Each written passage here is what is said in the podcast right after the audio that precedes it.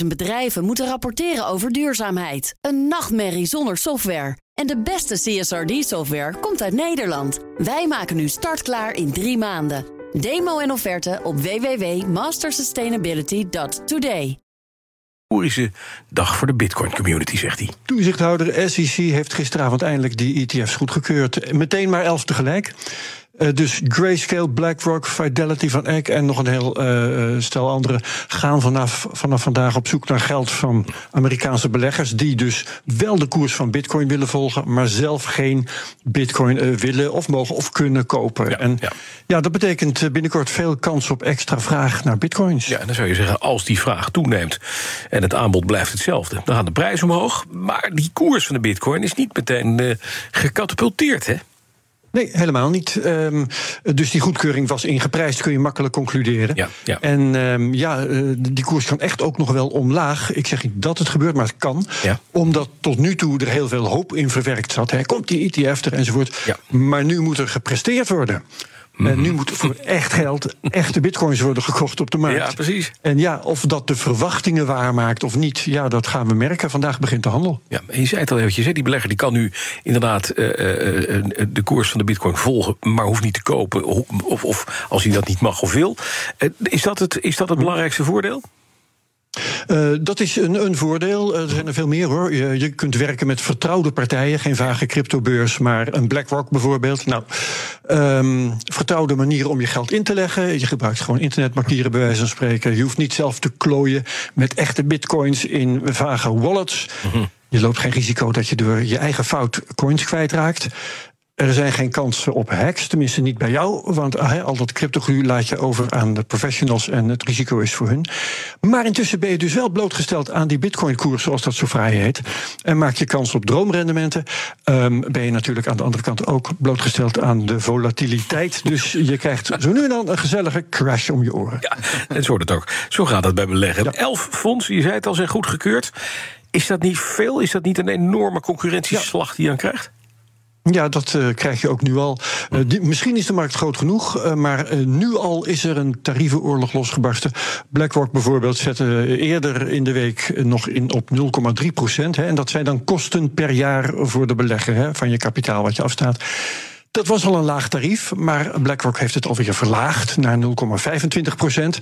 En sommige concurrenten zitten daar nog onder. Sommigen hebben ook een half jaar gratis uitgeroepen, een tarief van nul. Mm. Um, nou, zo'n laag tarief kun je natuurlijk goed maken met volume. Dus er hangt nu heel veel af van hoeveel geld er naar binnen stroomt. Maar er zijn echt al wat kenners die zeggen dat ze het niet alle elf gaan volhouden. Nee, en ik begrijp ook dat het er nog meer kunnen worden. Ja, ze staan in de rij, want er waren al nog twee aanvragen. Het totaal aantal was 13, er staan er nog twee in de wacht.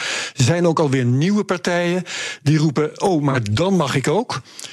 Um, ja, dus het wordt een kopersmarkt voor Amerikaanse beleggers met veel keus en lage prijzen, maar wel zolang als het duurt. Het was inderdaad wat dat betreft wel eventjes dringen geblazen. En het heeft erg lang geduurd. Hè, want de eerste aanvraag om te komen tot zo'n ETF. Nou, uh, een jaar of tien geleden, klopt dat? Ja, joh. ja. Uh, in 2013 uh, waren het de broertjes Winklevoss, wie kent ze niet? Ja. Um, en, en Cameron Winklevoss die twitterde gisteren, ja, het was 3845 dagen geleden. Hallo. Dat wij het voor het eerst probeerden. Mm -hmm. en daarna waren er heel veel andere partijen, van Eck bijvoorbeeld een paar keer. En ja. telkens zei die verdomde SEC nee. Um, nou waren er afgelopen jaar twee gebeurtenissen die de doorslag hebben gegeven. Eén was de aanvraag van BlackRock. Ja, partij die in zijn hele bestaan nog maar één keer zo'n aanvraag zag afgewezen. Moeilijk te weigeren dus ook voor de SEC. Ja, toen kreeg de markt er zin in. Allemaal van die conculega's die zeiden... oké, dan doen we ook mee. Um, en een ander belangrijk moment... dat was de rechtszaak van Grayscale tegen de SEC. Mm -hmm. Grayscale had al een bitcoinfonds, al heel lang... maar het was geen ETF en ze wilden dat het dat zou worden. Ja. Omdat dat handiger was voor de beleggers, hadden we -hmm. het net over. Uh, de SEC weigerde dus weer, want dat is wat de SEC doet. Maar toen zei de rechter, dat is willekeur... want er bestaat al sinds 2021 een ETF in bitcoin futures... en zoveel anders is dat nee. ook weer niet. Nee. Nou, vanaf dat moment kon de SEC eigenlijk niet meer met goed fatsoen nee zeggen. En dat is gisteren gebleken. Ja, en eergisteren zagen we nog die tweet vanaf het account van de Securities Exchange Commission. Die al zei van hij is er door. Hè? En dat, hoe kan dat nou? Ja, hoe kan dat Bizar. nou? Ja. Dat zei die tweet. Uh, Ja. werd na een kwartier alweer herroepen. Zo snel waren ze ook wel weer. Ja. Eh, de cryptowereld heeft daar heel veel lol aan gehad. Ehm, eerst aan de eerste verklaring die kwam, namelijk dat de, het eh, X-account van de SEC gehackt zou zijn. Eh, dat is al redelijk gênant voor de toezichthouder. Nou, Ehm, en daarbovenop publiceerde X eh, nog dat het, eh, Twitter dus, dat het eh, account van de SEC niet beveiligd was met een tweede factor naast het wachtwoord. Dat maakte het nog gênanter. Je bent toezichthouder, hallo. Ehm, maar er was ook nog een andere verklaring in omloop. Ik weet niet welke waar is hoor. Namelijk dat het een correcte tweet was. Die al klaar stond, alleen per ongeluk te vroeg was gepubliceerd.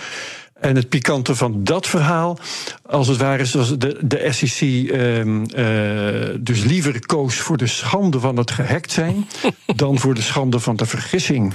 En ook dat ze niet maandagavond al wilden toegeven dat het allemaal waar was. Dat was eigenlijk geen optie. maar inderdaad, het leedvermaak was niet van de lucht, hè? Nee, nee, want de koers van Bitcoin ging, ging intussen heftig op en neer. door toedoen van de SEC. Ja, Ja. die altijd zo klaagt over marktmanipulatie in de crypto. Ja, en over het benadelen van beleggers. En ja, toen waren eh, Edward Snowden bemoeide zich ermee. maar het waren vooral de broertjes Winklevoss die hun finest hour hadden. Ja, tuurlijk. Want die twitterden dat de SEC zoals gebruikelijk weer eens bezig was met marktmanipulatie. en met het besteden van investeerders. Ja, die kon je verwachten.